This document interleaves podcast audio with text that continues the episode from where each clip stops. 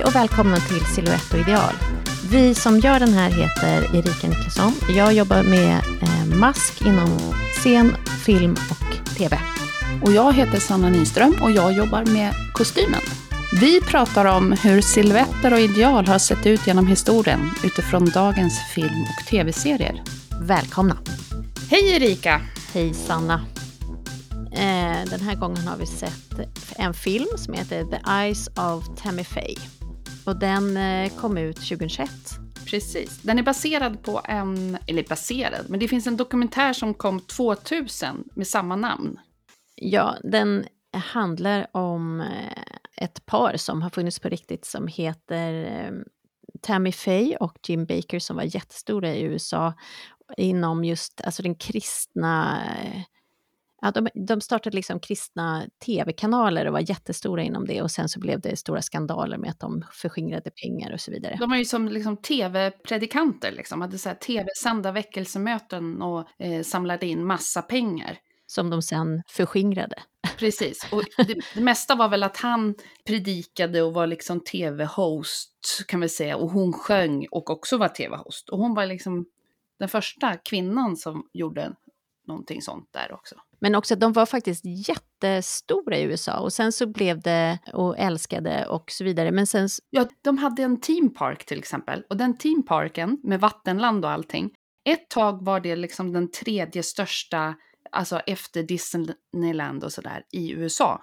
Ja, en kristen theme park som är liksom vattenland och allting. De hade så stora teaterspel om, så här, om vad som hände i, händer i Bibeln och, och sådär. Men alltså den tredje största, det är ändå jättestort. Jättestort. Det är så svårt att förstå den här kristna superkristna amerikanska liksom, väckelserörelsen, jag, det, det, lägger så långt ifrån en själv. Liksom, så att jag tycker den är, den är så helylle och jag tycker det känns så falskt alltihopa. Ja, men verkligen. Och som att de var så här stora och jag har aldrig hört talas om dem förut. Nej, precis. Så vi har ju ingen relation till dem, men alltså jag tänker, det har gjorts både en dokumentär om det här paret, Eh, just också för att de var så uppburna och sen så föll de så hårt, både för att han hade förskingrat massor av pengar, men sen också hade en sexuell relation med en väldigt ung kvinna som de köpte ut att hon skulle hålla tyst, men det gjorde hon inte, så det blev en sån skandal. Och sen åkte han i fängelse för att han hade, han hade förskingrat alla pengarna som de hade fått in till, som skulle gå till liksom, äh, kristna saker. Och sen samtidigt var det också tal om att han var, eh, det kom ut att han kanske var homosexuell och den här kristna delen var ju så extremt rädd för homosexuella och allting som inte är den vanliga familjen. Och hon, å sin andra sida, har ju också blivit som en gay-ikon. Ja, för att hon också vågade stå upp för de homosexuella och faktiskt vågade prata med eh, aidssjuka eh, gaymän och liksom ta in dem och säga att de inte var sjuka, att de inte skulle omvändas, utan hon var bara såhär, nej men de är människor, jag älskar dem som gudsvarelser. Det hon sa flera gånger, som att Jesus älskar alla människor och det är liksom alla människor. Då måste man, det här kärleksbudskapet som var någonting som var väldigt hårt, hon pratade om hela tiden. Till skillnad på många andra i den där kristna högen. Och sen var det ju så sjukt att de började där med sina små dockor dockor, så här, små handdockor som de började rikta in sig till barnen för att sen kunna få med sig föräldrarna. Ja, så de hade började med ett kristet barnprogram med handdockor, där hon skötte handdockorna och han var liksom som eh, host. Men jag tänker att vi har ingen relation till de här eftersom vi inte är så där kristna och vi inte bor i USA. Men i USA så verkar det här som att det är väldigt många som eh, känner till dem och att det liksom hette också Pearlgate istället för Pärleporten-gate istället för Watergate, det som hände med liksom deras stora fall. Men både att de har gjort en dokumentär om de här, och den heter precis som film, den här biofilmen som vi nu har sett, eh, The Eyes of Tammy Faye. Men sen så har de också gjort en annan, en annan film som heter Fall from Grace 1990, så där Kevin Spacey spelade den här eh, Jim Baker, den här predikanten som då Eh, så att de håller på att tröska igenom det här fallet. Bearbetar det här. Kristna högern håller på att bearbeta hur kunde det bli så här? Och jag tänker också att de var ju väldigt, väldigt starka karaktärer. Och hon, Tammy Faye, hon har ju också ett väldigt eh, speciellt look och väldigt speciell stil. Och, de blev, och det är därför den heter The Eyes of Tammy Faye, för hon hade fantastiskt mycket smink, jättemycket mascara, lösa fransar och så, här, så att hennes look blev också väldigt typisk henne och också väldigt häcklad med och i mycket satirprogram och sånt där. Det var ju roligt också att den här dokumentären, den börjar ju med att hon, tar, hon, hon pratar om ögonen och säger liksom att ögonen är själens spegel. Och så pratar hon om att när goda vänner till henne gick bort så brukade hon fråga om hon kunde få deras glasögon. och i serien så, så tar hon ju också sin mammas glasögon när hon har dött och här i dokumentären, då sätter hon på sig mammas glasögon och säger att hon brukar sätta på sig dem ibland för att tänk, se liksom, det var genom de här min mamma såg världen. Det, jag, först tänker man att hon är lite knäpp, men sen så tycker jag faktiskt också att det är en ganska fin tanke. Att ja. man försöker se världen genom någon annans ögon. När man har sett filmen och man har sett dokumentären, då känner man ju väldigt mycket för henne tycker jag. Mm. Eh, för det pratar också den här maskdesignern som har gjort mask, jag kan återkomma till lite mer om henne, men hon pratar väldigt mycket om när de har gjort research, att hon var så här, vi, att när de har gjort den, all den här researchen, har de verkligen hittat en människa som hon liksom är så imponerad av hennes, eh, ja men hur mycket empati hon hade, att hon verkligen körde på det här kärleksbudskapet och på det där amerikanskt kristna sättet med att man är så glad hela tiden och, och eh, känner väldigt stort och väldigt mycket, men att hon faktiskt också på riktigt var en väldigt, väldigt varm människa. Så jag tänker också att allt det här trasslet det, med pengar och allt det där, det känns som att det liksom kom på köpet på något sätt med att de blev så stora och att det blev så mycket pengar och det blev mycket större än vad de kunde liksom ha hand om själva. Och makt korrumperar ju allt. Den här filmen, det är ju Michael Showalter heter regissören. Och de som spelar här är ju Jessica Chastain och eh, Andrew Garfield. Andrew Garfield har ju varit en av Spindelmannen och hon, Jessica har ju varit i Scenes from a Marriage. Ja, precis. Och Andrew Garfield har också varit med i den här eh, filmen, musikalen som kom för inte alls länge sedan, som heter Tick Tick Boom, som är en ah. stor musikal. Och den fick han en nominering för, tror jag också. Mm. Båda de är ju jättebra, tycker jag. Ja, de är otroligt bra. Verkligen. Och kostymdesignen här, han heter Mitchell Travers. Travers. Mitchell Travers. Han gjorde till exempel eh, Hustlers. Det var en eh, film med Jennifer Lopez som fick massa nomineringar för ett tag sedan.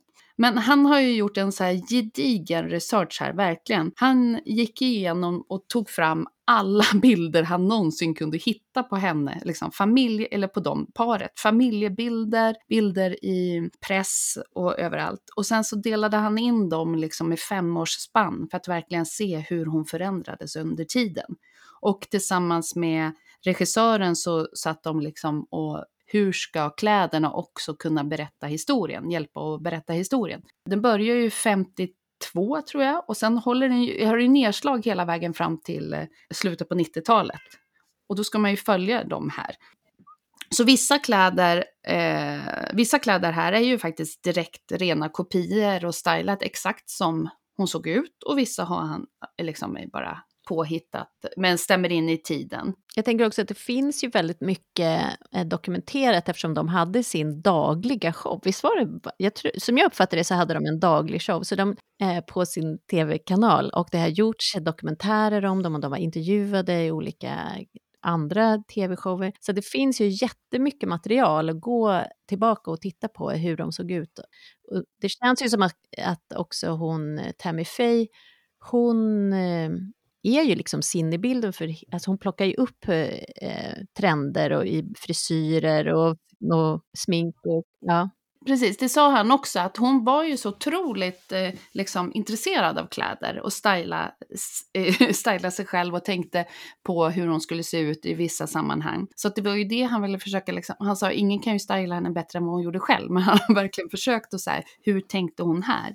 Mm han säger själv att de egentligen inte hade så himla stort kostymteam här. Då har han ändå förklarat att det är ändå lite roligt för oss som jobbar med helt andra slags team och budgetar i Sverige, utomlands. Han hade ändå liksom två assisterande kostymdesigners och så hade han ju en kostymdesigner som bara såg till statisternas kläder. Och de är ju jätteviktiga i just den här serien. Ja, eftersom det är så mycket, det är epok genomgående. Precis, och sen en, en supervisor och en kostymkoordinator och två heltidsanställda skräddare hela vägen. Och så hade han ju fyra setkostymörer på set hela tiden, utom när det var stora statistscener, för då hade de ju ännu fler folk. Och det här, det är ett litet team då, enligt honom.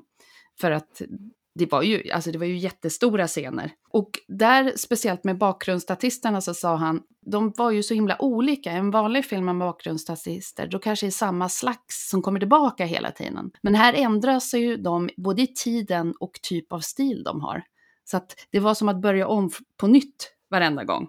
Men det är lite samma sak på eh, maskavdelningen faktiskt. Alltså de är ju tre stycken som, har, eh, som står som designers eh, inom olika områden så det är Linda Dowds, hon är liksom makeup, hon är liksom maskdesigner med, med, med smink och sen så är det en tjej som heter Stephanie Ingram som är hair department.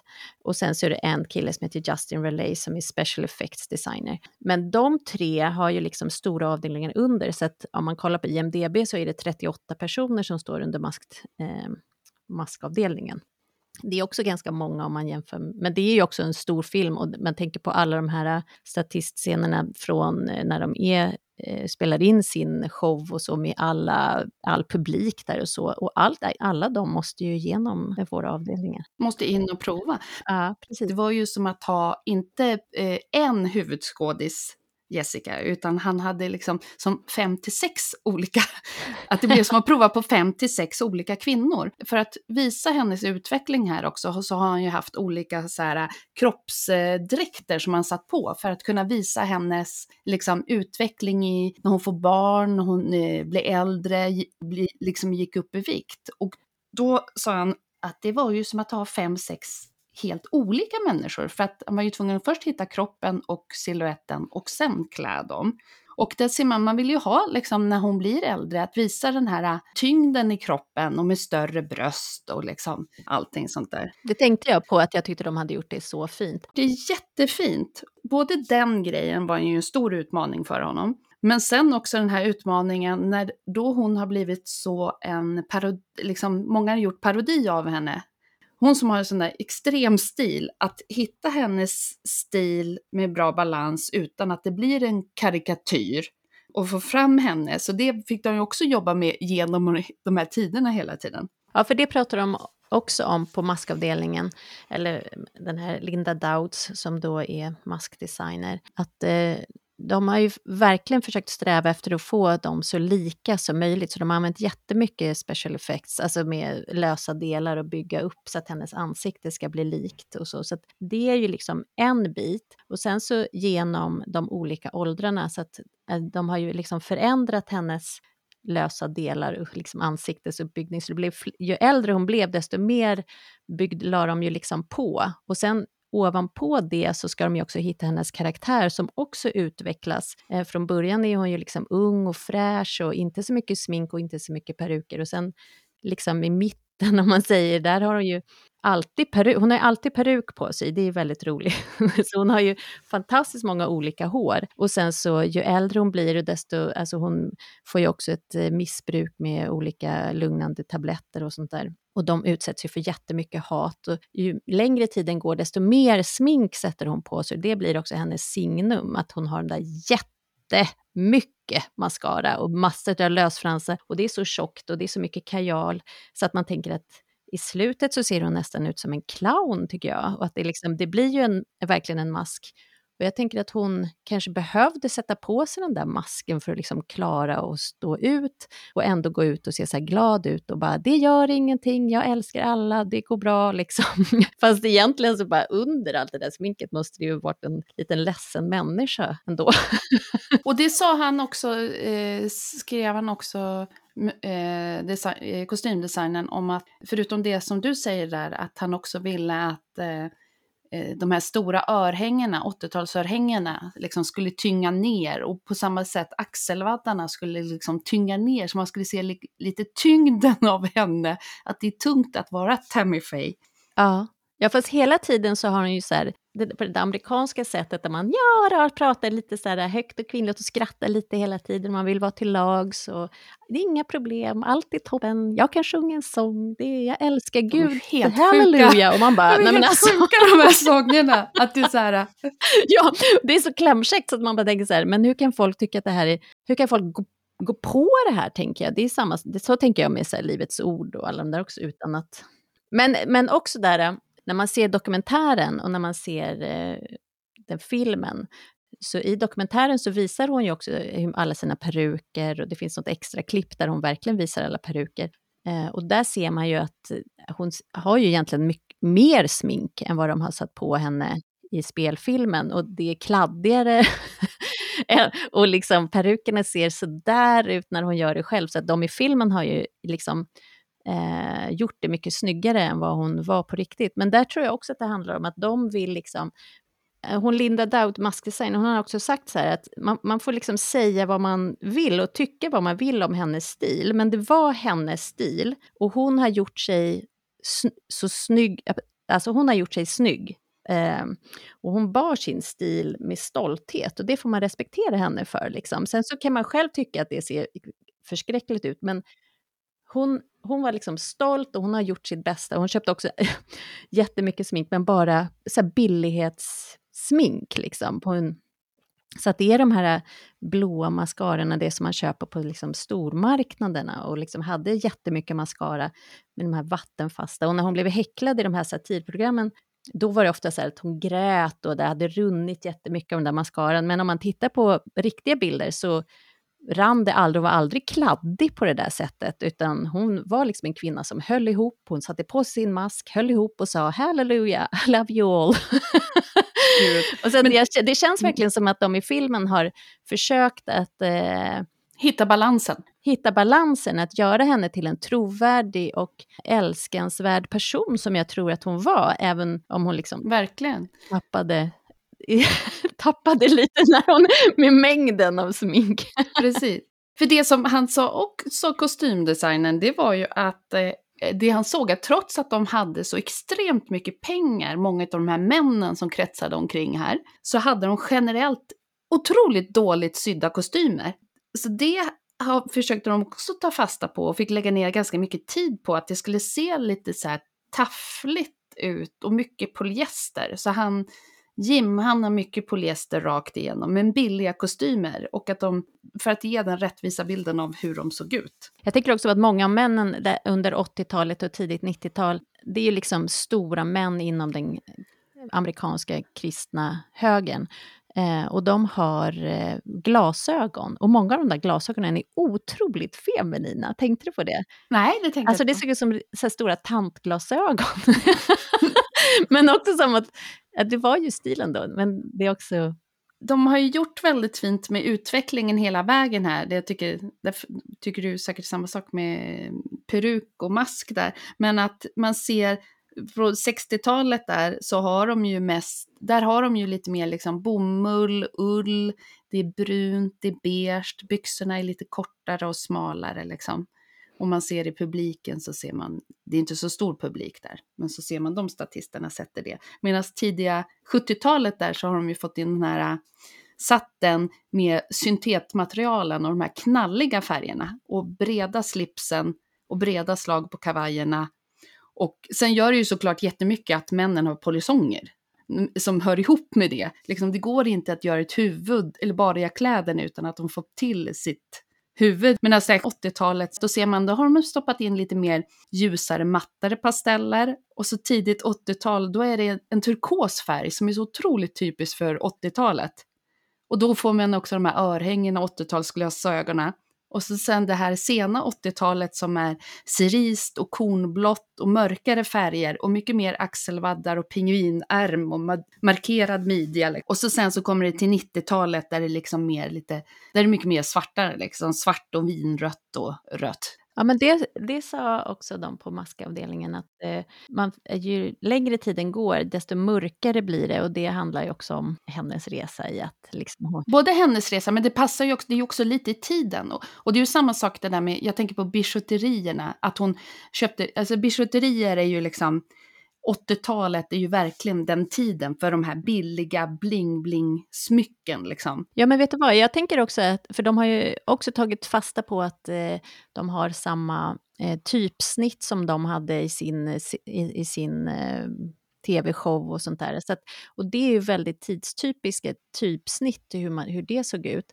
Eh, men också allt det här, för jag tänker 80-talet handlar mycket om syntet och polyester och det är så fuskmaterial och det ser så billigt och lite plastigt ut. Eh, och det för mig lägger ju också på det här att hel, allt det de säger, så här, hela den här kristna grejen, den känns ju så här plastig och falsk liksom.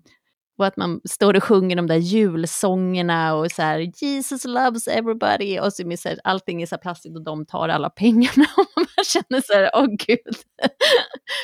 Precis, och det blir ju det mer, och, men det ligger ju också i tiden här, att man går från ett 60, tidigt 60, 70, tidigt 80-tal där det är liksom mer matt och blekt. Och sen så blir ju allting mer glansigt och det blir ju glansiga material och glittrigt och alla de här, eh, allt smink och alla de här smyckena. Jag tänkte när du sa att hon handlar billigt smink, hon handlade ju också jättemycket sådana här eh, billiga plastsmycken i olika sätt med örhängen och halsband. Och jag visste inte att bijouterier, att bijou, det är det franska ordet för ögonsten. Jaha. Och då tänker jag så att de är ju ögonfallande smycken liksom. Alltså eh, bijouterier är ju aldrig, det är ju raka motsatsen till så här stilrena klassiska smycken. Utan de är ju alltid så här så att man ser dem och modebetonade liksom. Oftast är de ju billiga sådär. Men hon, det ser man ju verkligen på henne med tiden. Men jag tänker också för att eh, hon var ju uppväxt i ett jättefattigt hem. Hon var äldsta, liksom, äldsta barn av åtta och de hade, liksom, de hade inte någon toalett inne utan de hade typ dass ute. Och, men så hon är ju uppväxt väldigt påvert. Eh, och, eh, så jag tänker där att när hon fick, även om hon blev väldigt rik, i alla fall under en period innan allt gick åt skogen, eh, så låg det där kvar hela hennes liv tror jag, att man att det inte skulle vara för dyrt. För jag såg någon annan eh, intervju med henne när hon kommer till RuPaul och pratar och han säger, åh du ser fantastisk ut, alltså den riktiga Tammy Faye. Och hon säger så här, ja men eller hur, och den här köpte jag i Chinatown, den var på rabatt, den kostade bara 30 dollar och den här, det var ett par second hand-skor, de kostade, du vet, och redovisade precis vad allting hade kostat. och inget kostade mer än, ja men 70 dollar. Så, här. så att, eh, och då var hon ändå liksom äldre, så då, att det ändå låg kvar i henne att, eh, att man kunde liksom eh, göra det billigt ändå.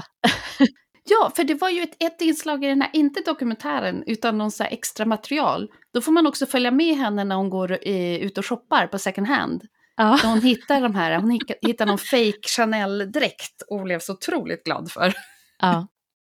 men det, den, den lilla delen gjorde också att man blev så, man eh, sympatiserar med henne. Ja. Jag måste få återgå till eh, maskdesign här, för att det här är ju en stor film när det kommer till maskdesignen. De har vunnit både årets Oscar och årets Bafta och många, många andra eh, priser i mask och kostym, äh, inte kostym, i mask eh, för den här filmen. Men vad tycker du om det då? Tycker du att de, alltså, nu vet jag inte vilka de tävlade med då, men när man tittar på maskdesignen, är den en Oscar? Det tycker jag. Jag tycker att de har gjort det så fint. De har, gjort det, de har genomfört det.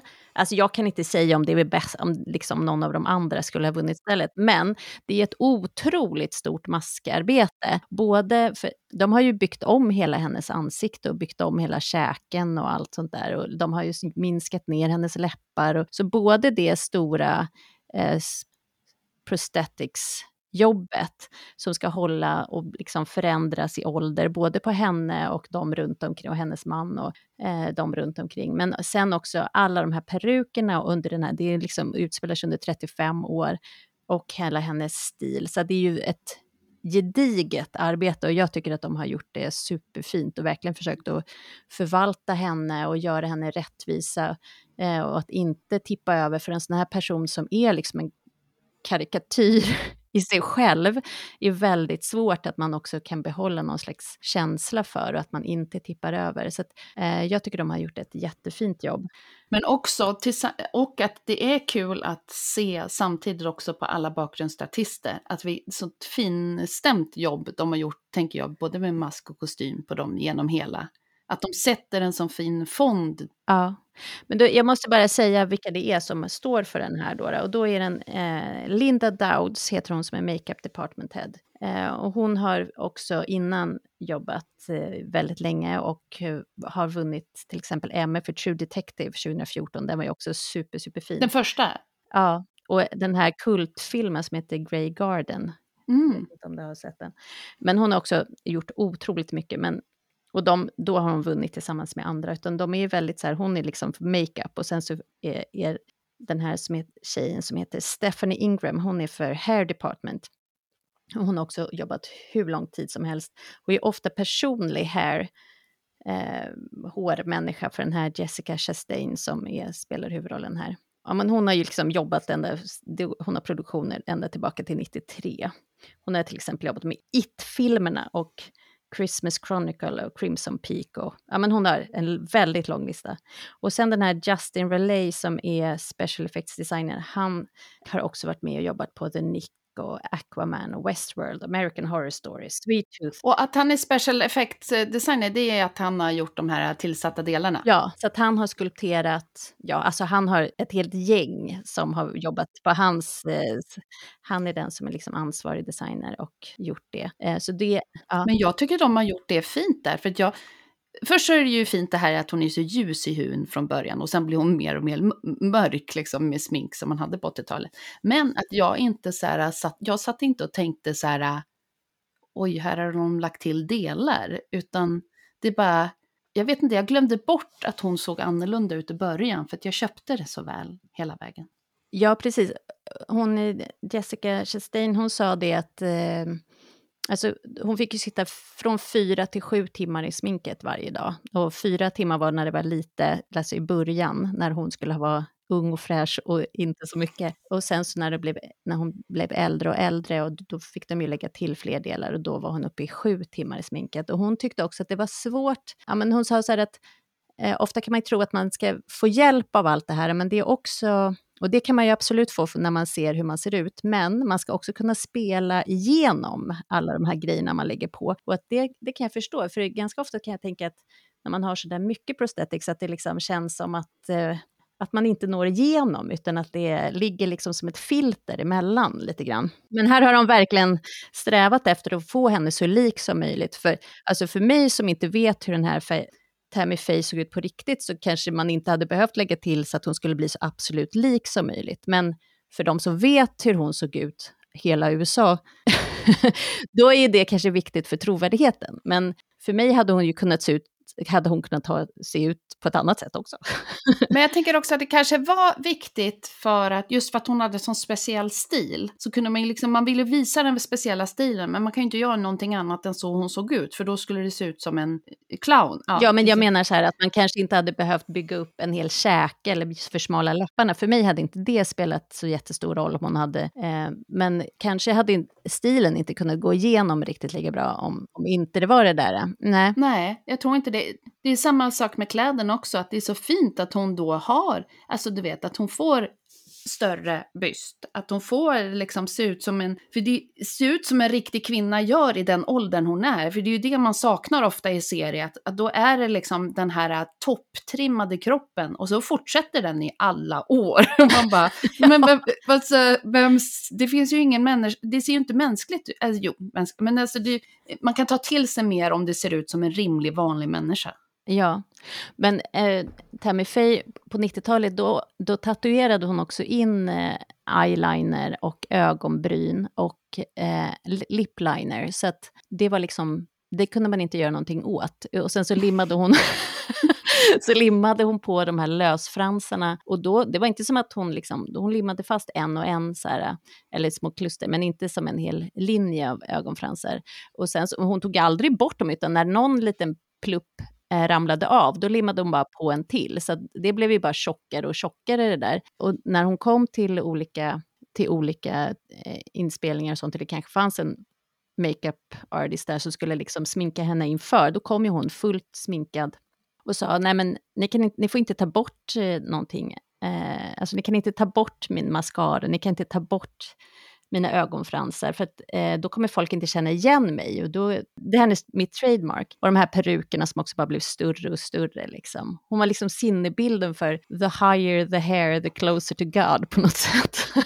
ja, men verkligen, och det passar, alltså, sen är det ju som att det här, det är ju som en, alltså här, otroligt bra grej att, hon också, att det här var då också samtidigt som 80-talet, där allting blir mer, lite mer extra super. Som axelvaddarna som kommer här också, till exempel. Hon eh, dog ju av lungcancer. Och i den sista intervjun med henne, då är det inte mycket kvar av henne. Alltså hon är verkligen märkt av sin sjukdom. Det här var ju liksom långt efter allt, allt det här tumultet. Hon levde ensam och liksom blev, var utfryst. Hon dog 2007 såg jag och den där dokumentären gjordes 2000. Att... Ja, men den, den, sista liksom, intervjun med henne, då är hon supersmal och all, liksom, hon är sig verkligen inte lik, men eyelinern är kvar. Och jag måste se dem där. De, de, jag har inte sett hur hon såg ut på slutet där. Nej, hon, hon är en spillra av sig själv.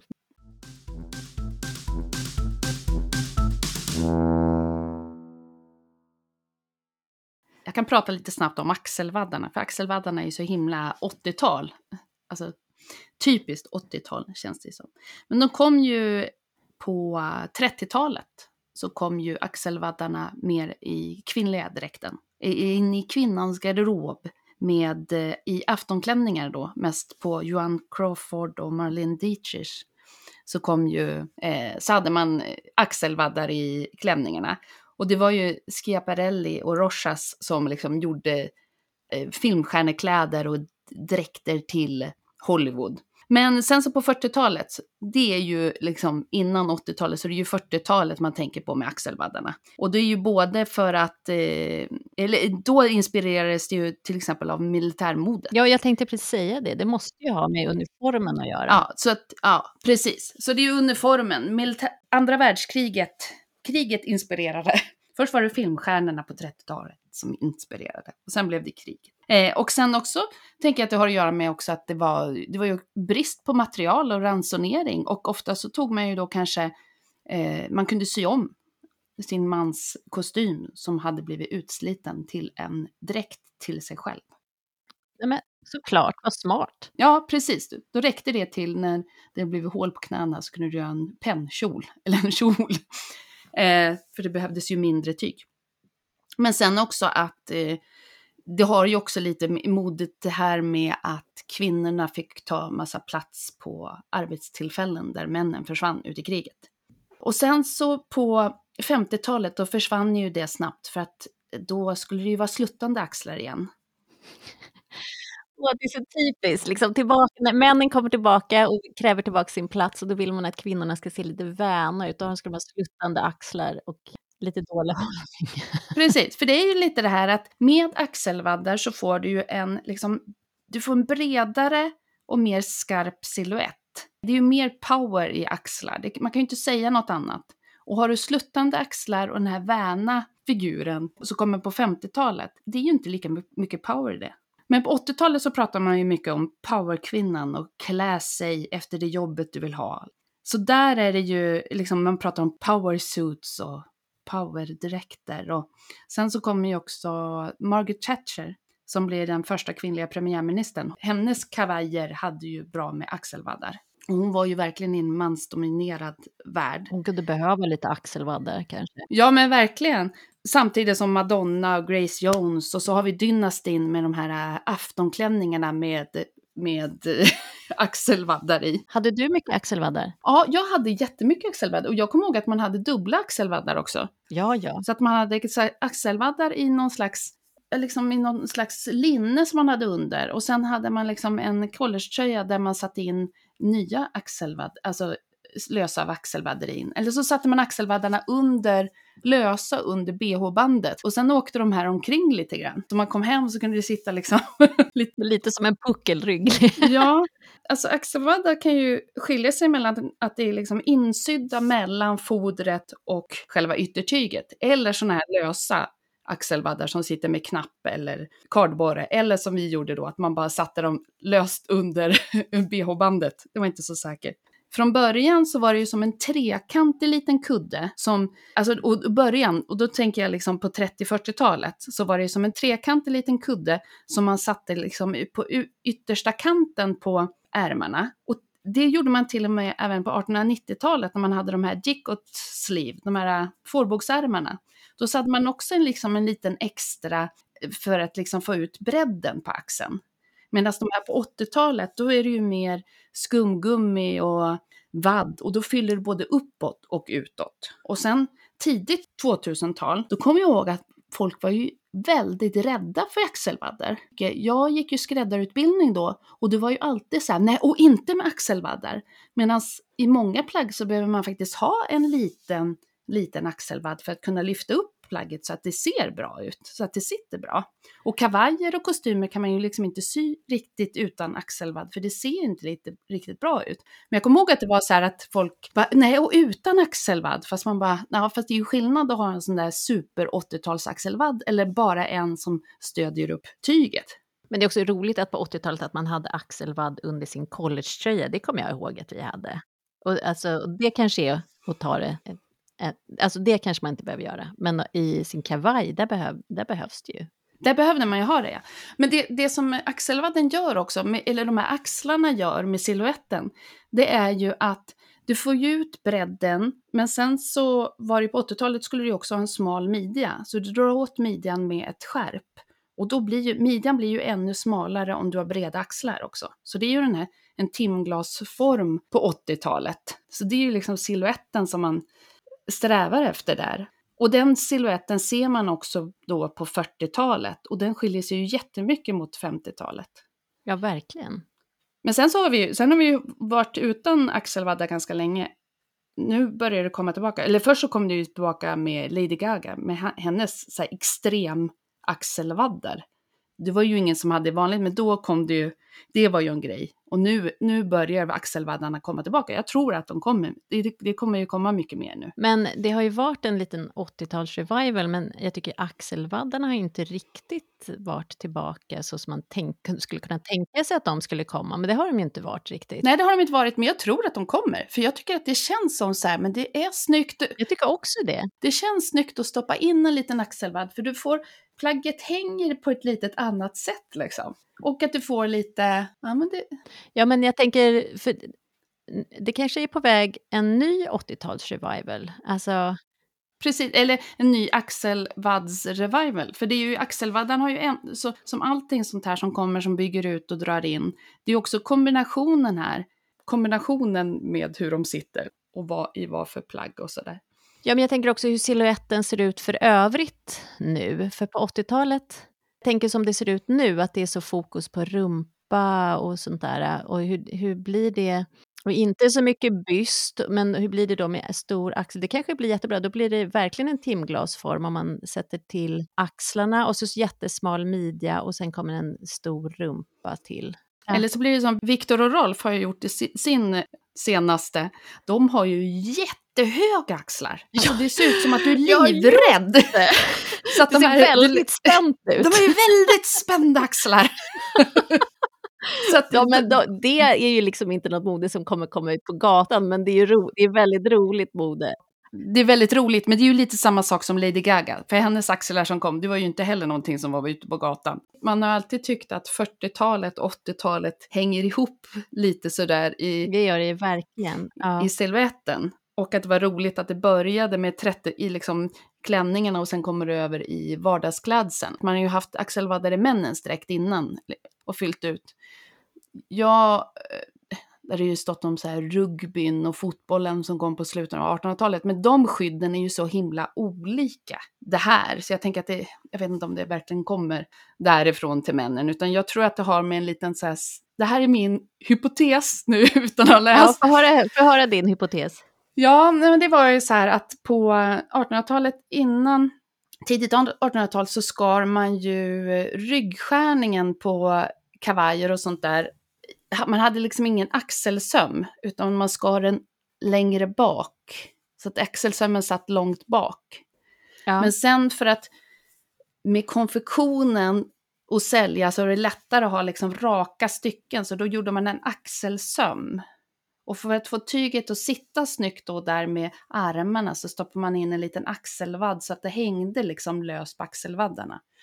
Och sen så passar det lite bra ihop när vi får den här, äh, när männens klädsel går från att vara, de har varit mer så här äh, påfåglar och spännande, så går vi på, med industrialismen och kommer till männen i deras liksom gråa svarta kostymer, de ska vara en samlad enhetlig massa.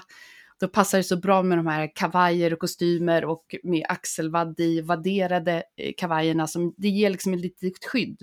För då blir det ju som att männen behöver inte visa någonting av sin kropp, någon mjuk kropp, utan de har ett hårt skal. Och medan kvinnorna liksom hade... Så det, men då undrar jag också så här, för, för, om man går ännu längre bak, typ 1500-tal och sådär, man tänker på Gustav Vasa och hans killar, där är ju väldigt fyrkantig silhuett.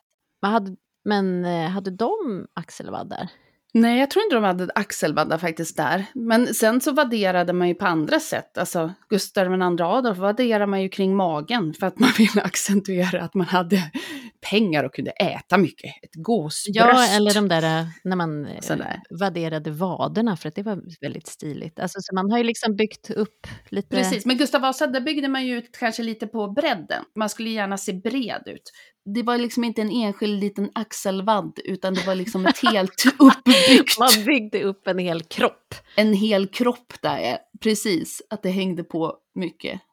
Och så sen eh, tror jag, jag skulle gissa då på att axelvaddarna börjar komma liksom kring mitten på 1800-talet till männens kostym. Ja, nej men jag tycker, eh, heja axelvadden, fram med lite mer små axelvaddar i jackor och sånt där. Det känns lite snyggt.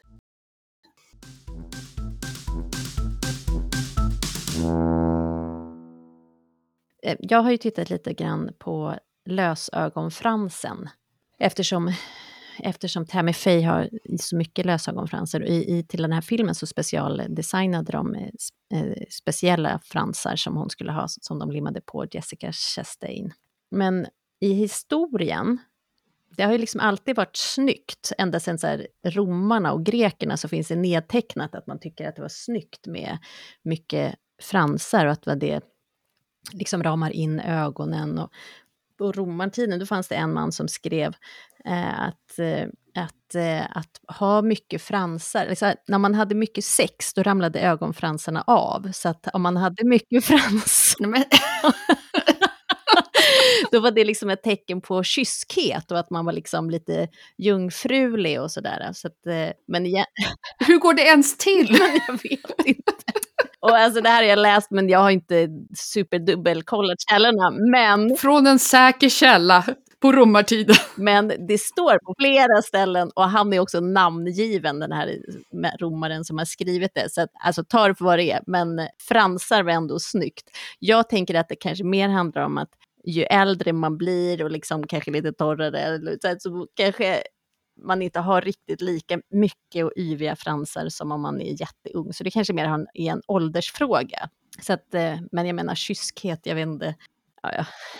Det är ett ungdomstecken helt enkelt. För jag tänker då på 1700-talet, för där hade man väl inte fransar? Nej, där hade man inte, men också på 1400-talet. Det, är ju väldigt spännande, för då var det ju så att mycket hår signalerade också någon slags erotik. Liksom. Att man, man hade, var hårig på kroppen så var det som att man var en sexuell människa. Och där, klippte, där plockade ju kvinnorna så att de fick högre hårfäste och plockade bort ögonbrynen för att man skulle visa att man var en eh, upplyst människa och idealet var liksom det ovala ansiktet och så här. Men det handlade också om en någon slags kyskhets och renhetsgrej. Så då plockade man ju hårfästet och man plockade ofta bort ögonbrynen. Och nu har jag också läst att man också plockade bort fransarna. Det är helt sjukt. Men så kvinnorna plockade bort och männen skulle vara håriga? Nej, alltså jag tror männen, de är ju lite sexuella varelser. Det har de alltid fått vara, men kvinnor ska ju helst inte vara det. Så att, eh, det var ju också ett tecken på att man liksom var en jungfrulig människa såklart. Eh, det, det, man missar med om man plockar bort fransarna, det är också att de har ju en, en funktion, fransarna, det är att hålla liksom smuts och damm borta från ögonen. det var ju tråkigt att de...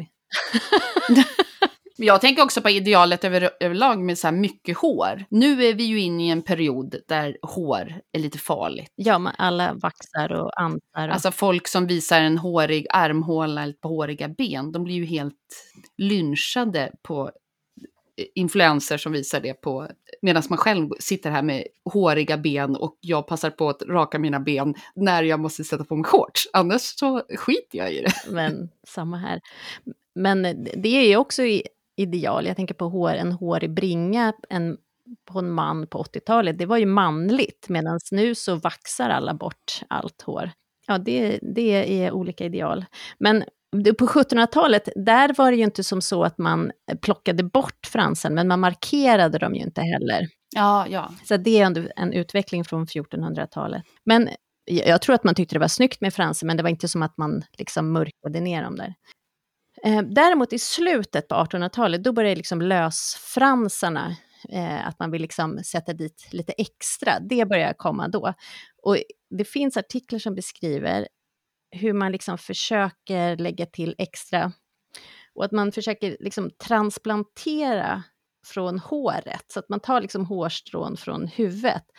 Och så liksom bedövar man ögonlocket med kokain och sen så sy, försöker man sy fast extra fransar. Åh oh, herregud på 1800-talet med den hygienen skulle man ju vilja göra det. Ja, det här är slutet på 1800-talet och det verkar inte som att det bara är en eller två personer som gjorde det, utan det fanns liksom ganska mycket artiklar om hur man skulle kunna göra det. Det var lyckat. Eh, och om man inte var riktigt sugen på att sy fast dem så kunde man försöka limma fast lite grann, men limmet var så dåligt så de trillade ofta ner, trillade ofta av. Annars är det ju härifrån det här, vill du vara fin så får du lida pin, kom när man sydde fast.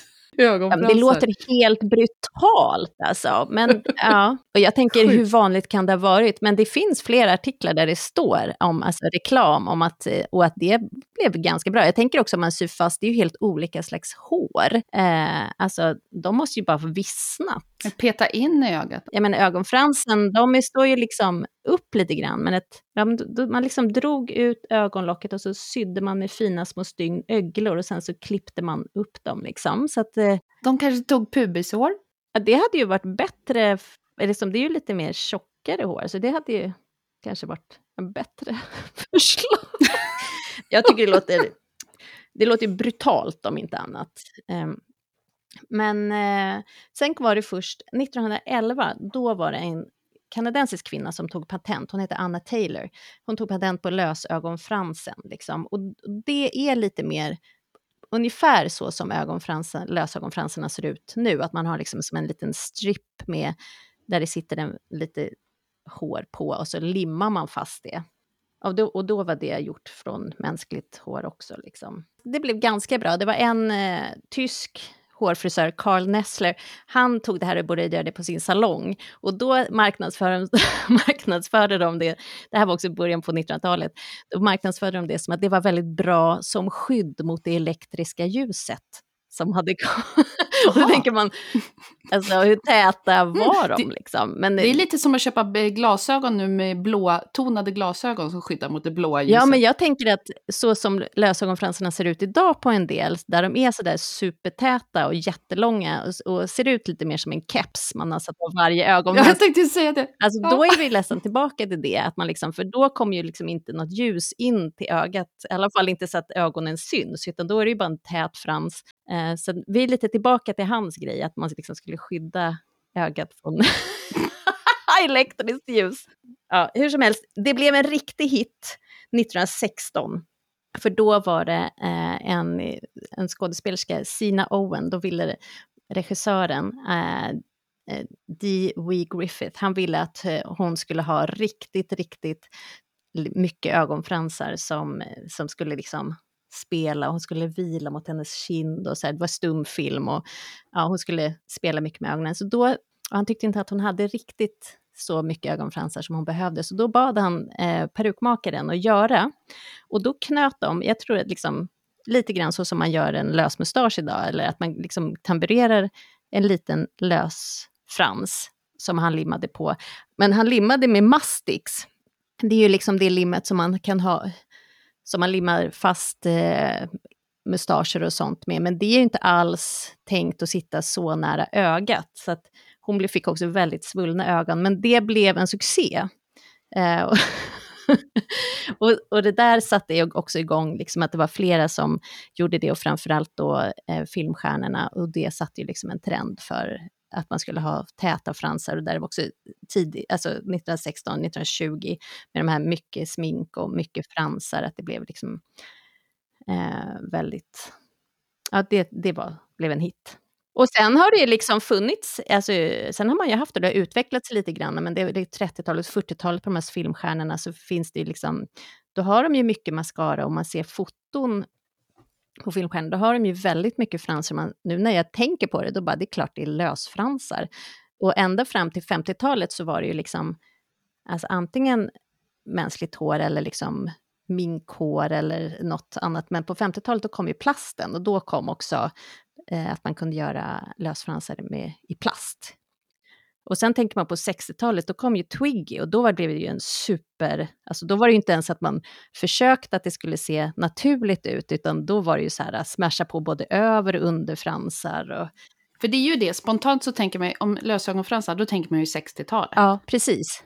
Fast, och sen så, så tänker man så här, på 70-talet, då försvann det väl, för då var det så mycket hipp och det skulle vara naturligt så, men när man går in och tittar på olika annonser, då är det ju jättemycket lösfransar där just, men det är ju också såklart reklam, men kanske den allmänna, att då kanske inte folk hade det så mycket om man inte var speciell. Som idag, som idag har ju folk det allmänt. Ja. Det hade ju inte folk på 70-talet. Nej, alltså min mamma skulle ju aldrig haft lösögonfransar till exempel. Så den vanliga, men när man tittar på just reklambilder, då är det så här långt hår och så jättelånga fransar. Det kan vi lägga upp några bilder på Instagram på liksom reklam just från 70-talet. Liksom. Men nu så såg jag ju någonting också med någon magnetögonfransar. Vad är det? Jo, ja, men det, har kommit, det kom nu, typ 2014 tror jag att det kom. Och då är det liksom som en, det är liksom som två, en tvådelad, så är det magneter, så sätter man liksom en del över den egna och en del under. Och sen så man klipper, sätter de ihop sig eh, genom din egen frans. Mm -hmm.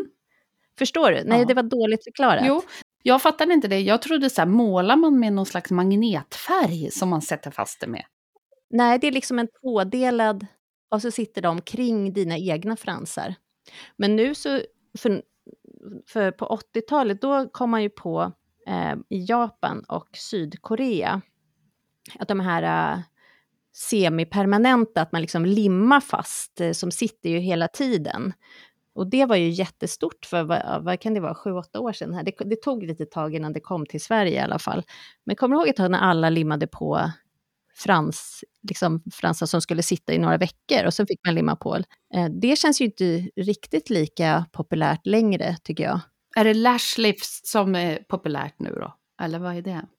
Nu är det ju lashlifts, då liksom, det är mer som att man permanentar sina egna fransar, liksom böjer dem uppåt och färgar dem eh, så att de ser liksom fina ut hela tiden utan att man ska måla dem. Men annars är det ju, det allra vanligaste, det är ju att man faktiskt har eh, lösfransar, alltså i den här lilla strippen som man limmar på. Det är ju ändå det vanligaste. Och där kan man säga, alltså på unga tjejer idag så är det ju jätte, jättevanligt. Alltså många går ju inte ut utan det. Och det är också, har vi varit så jättemycket med liksom Kardashians och på Instagram, att det är jättestort där ju och att det verkligen har gått ner så att alla vill ha det, att det är jättevanligt. Det är så kul att tänka då så här, undra, och sen kommer det gå bort. Ja. Så, om ett tag så är det inte det längre. Och, alltså, vissa av dem är ju supersnygga och ger ju verkligen liksom, ögat en bättre form och att man liksom, blir tydligt. Och så här. Men vissa lyckas inte lika väl. Nej, och det handlar ju jättemycket om hur man sätter fast den där lösfransen. Om man sätter den liksom, för långt bak och för långt ner, då trycker det ju bara ner. Då ser det ut som att man har världens ledsnaste ögon. Om man kanske väljer en större, alltså jag tänker att olika ögon kanske tål olika stora, långa. Ja, och där, får man, där tänker jag också att många kanske inte har tänkt på att den, när man köper en sån där färdig frans, eh, då är ju den en viss form, men alla ögon är ju inte så stora, utan man får ju klippa den så att den pass, blir lagom stor för, för sitt eget öga, för annars kanske den sitter liksom en halv centimeter utanför sitt öga och då blir det, blir jättekonstigt när man öppnar ögat till exempel. Det är ju inte helt lätt att sätta på. Jag har gjort det några gånger, har jag satt på sina egna själv. Och då, alltså, till slut får man till ett öga och sen bara, mhm. Lite övning. Nej, det är inte helt lätt. Men det där är också intressant, för om man till, jag har jobbat mycket musikal och där, där har man ju nästan alltid lösfransar. Eh, och sen, men om man jobbar på annan eh, teater, alltså där kanske man inte alls har det lika ofta. Men jag kommer ihåg en gång när vi gjorde en musikal i Stockholm och då skulle vi inte ha lösfransar och då var de här körtjejerna, de var helt förfärade. De är så här, vi måste ha våra lösfransar för vi syns inte annars. och då tänker jag, men jo, alltså, jo du, du syns jättebra utan, men det är klart att du får ju en annan blick. Men det är också, vad är, det är ju helt olika estetik om man till exempel tänker Dramaten eller om man tänker Kinateatern. Alltså, om man ska hårdra det och dra alla över en kam. Men jag menar, det är olika, det är olika estetik. Jo, men hennes såg ju väldigt speciell ut, Tammys. Ja, Tammy, hon har ju då, hon limmar ju på lösa fransar, alltså som singelsfransar, inte en hel stripp med fransar, utan hon limmar på dem. Och hon som sagt, eh, hon tar inte bort dem på kvällen, utan hon behandlar dem som om de vore semipermanenta och eh, sover med dem och sen sätter hon bara dit en ny. Och så målar hon på ett extra lager av sin waterproof mascara som hon har. För jag tyckte i början av serien, när man såg, eller inte serien, utan början av filmen när man ser henne med den, de fransarna hon hade då, då tänkte man oj, det här såg lite konstlat ut. Men sen när jag såg dokumentären, då hade hon ju exakt sådana på 60-talet. Ja, och i dokumentären så är hon ju, alltså det är ju mer än det de har satt på henne i... Och på samma sätt som man tänkte också i början, det är precis i början på 60-tal, i början av filmen på 60-talet, de sitter och har picknick ja. där ute på en filt.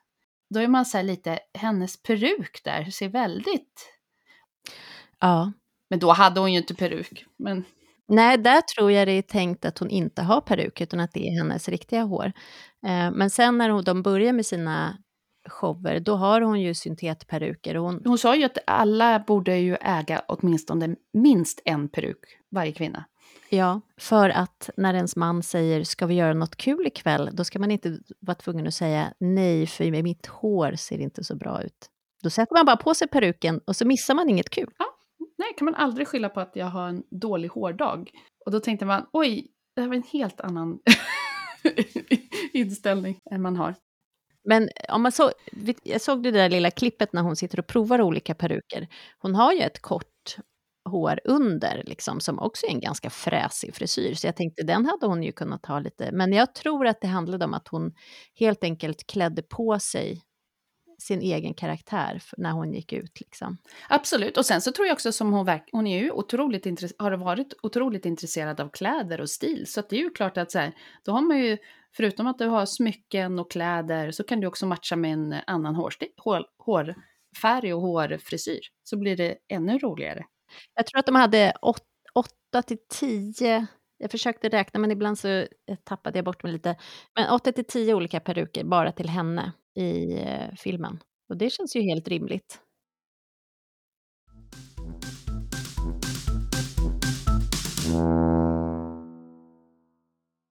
Men eh, vad, ska vi säga något av filmen? Så... Det tycker jag. Jag tyckte att, ah, det är som alltid, alltså det är så här, jag ser den, jag tycker den är, ja, sådär, helt okej. Okay. Sen ser jag dokumentären om henne och så läser jag om henne och då tycker jag mycket, mycket mer om den. När jag vet mer om henne, för att jag började gilla henne så mycket. Ja, vi får ju också erkänna att vi nu ser ett tydligt mönster här i vilka filmer vi väljer, ja. att vi har en tendens att falla för filmer som är baserade på en riktig person och sen så utgår vi från det. Vi ska jag vet inte om det är bra eller dåligt, men det är väldigt intressant att se hur, vilka val man har gjort och, och det är också så kul med att det finns en riktig person. Ofta tycker jag att den riktiga personen och dokumentären är alltså minst lika intressant och ibland intressantare och nästan så här också. Att jag undrar lite grann så här, varför kände man sig tvungen att göra den här spelfilmen, för väldigt mycket är ju taget direkt ifrån dokumentären, alltså både hur de ser ut och vad de säger. Så att, fast jag gillade verkligen filmen, men om jag ser dokumentären så tänker jag lite att det, man kanske inte hade behövt göra den. Jag hade ju aldrig vetat om att den här dokumentären eller den här kvinnan fanns om inte spelfilmen hade kommit. Så det är klart, det finns en vits. Och jag tror också att vi har ju som sagt inte någon relation till henne eller till, till hennes liv och eller det här Pearlgate. Um, men väldigt många, framförallt i USA, har ju det och då är det såklart mer spännande kanske. Ja, jag tycker det var jätte, jättebra intressant film att se utifrån hur de har gjort kostymen och fått eh, hela den här eh, spannet från 50 till 90-talet och deras val de har gjort och de har gjort det så himla snyggt och bra och fint och eh, huvudskådespelarna är superbra. Men emellanåt när jag såg filmen så var jag lite så här, ja, lite långtråkigt. Men nu i efterhand så, ja, då, tycker jag, då tyckte jag väldigt mycket om den. Ja, det är väldigt, mm, det är många turer fram och tillbaka med byggnader och, som ska byggas och som inte betalas och så här. Så vissa saker tänker jag hade jag kunnat vara utan och vissa saker skulle jag vilja höra mer om. Eh, för jag till, tänker till exempel, deras skilsmässa blev ju att det var ju också helt sjukt. Hon blev intresserad av en annan man och det resulterade i att de nästan skilde sig. Och sen så krävde då hennes man att eh, hon skulle göra avbön och säga att hon ångrade sig i TV. Och säga så här, åh, jag har insett hur mycket jag älskar min man och hur mycket ensam jag känner mig. Mm. Så, så det är både i filmen och i dokumentären. Så det, det, var ju det som var kul att se dokumentären också, att det var ju vissa delar som var så här, exakt. Men sen gifte hon om sig med den här mannen som eh, som hjälpte dem att betala, alltså de, de, deras contractor som liksom betalade väldigt mycket av deras byggnationer och sånt där, också betalade när de hade fuckat upp det med pengarna. Eh, så när hennes man då åkte in i fängelse, då skilde de sig och sen blev hon, gifte hon sig med den här mannen som sen också åkte in i fängelse. För han, och det säger de ju ingenting om i filmen. Ja, men, man hade velat veta lite mer om henne efter allt det här. Äh, mm. Precis, jag tror att, jag undrar om man, om man hade sett dokumentären först och sen sett filmen. Det hade kanske varit bättre. Men, men den, är, den är väl värd att se. Den är verkligen värd att se, ja. Och den hittade vi på Discovery... Nej, Disney Plus. Disney Plus just nu. Vet du vad, undrar om inte hon Jessica Chastain också fick hon en Oscar för rollen här? Det måste vi fan kolla. Det måste vi ju kolla. Ja, men det, det var också en behållning att se hennes rolltolkning. Nej, men jag tänker att det är mycket han har hittat, eh, mycket de har hittat liksom nyckeldelarna i vad som sätter eh, stilen där. Det är ju även på 60-talet eh, så ser man också att de har den här halsringningen på kläderna sitter väldigt högt upp. Så att den sitter liksom precis där, man, där halsen börjar på kroppen. Och det är ju så typiskt liksom kring tidigt 60-tal och även ärmhålen på kläderna sitter väldigt tajt och väldigt högt uppe. Och det är sådana så små delar som, eh, som gör att det är liksom små subtila grejer som gör att det sätter stilen. Jo, Eh, Jessica Chastain som spelar hu Tammy Faye, huvudrollen alltså i den här, hon vann också en Oscar för bästa kvinnliga huvudroll nu eh, i år. Eh, så det var både, både hon och maskavdelningen som vann eh, Oscar för det här arbetet. Och de har ett väldigt, väldigt nära samarbete. De har jobbat ihop eh, flera, flera gånger och Jessica har en väldigt, ja men hon har, hon, eh, ja de har ett, ett bra samarbete i hur man ska bygga karaktärer liksom och har jobbat ihop sig många gånger innan. Det förstår man när man ser den här, att för det är ett, hon är jättebra i den här faktiskt, verkligen. Mm. Ja. Jag tycker också att Andrew Garfield är väldigt, väldigt eh, bra. Han är ju på något sätt så lik den här... Ja, han är jättelik honom. När man ser dokumentären också så blir han också ännu bättre. För att han, för jag tycker han såg lite udda ut i filmen, men när jag ser dokumentären så är han ju jättelik Jim Baker. Jim Baker heter han. Ja men verkligen. Och, äh, Andrew Garfield han har ett ganska speciellt utseende. Men, men, det hade ju Jim Baker också, såg man sen. det hade Jim Baker också. Och det, det är klart de har satt dit lite prosthetics på honom, men jag tror inte att de har satt dit jättemycket. Och så att jag, men han är ändå väldigt lik. Och att man ser att han gråar, gråar ner håret lite sådär. Ja, vartefter. Ja, det där hoppar lite tycker jag i hur grått håret är, men det, det, så kan det vara. Men nu tänker jag, nu har vi pratat en timme och 13 minuter. Ja, ja nu får vi avsluta. Ja, eh, vi kommer lägga upp lite bilder på vår Instagram, Silhouette och Ideal. Vi hörs igen. Man får se när det blir, men det kommer fler avsnitt. Ja. Okej, ha det så bra. Hej, hej. Tack och hej.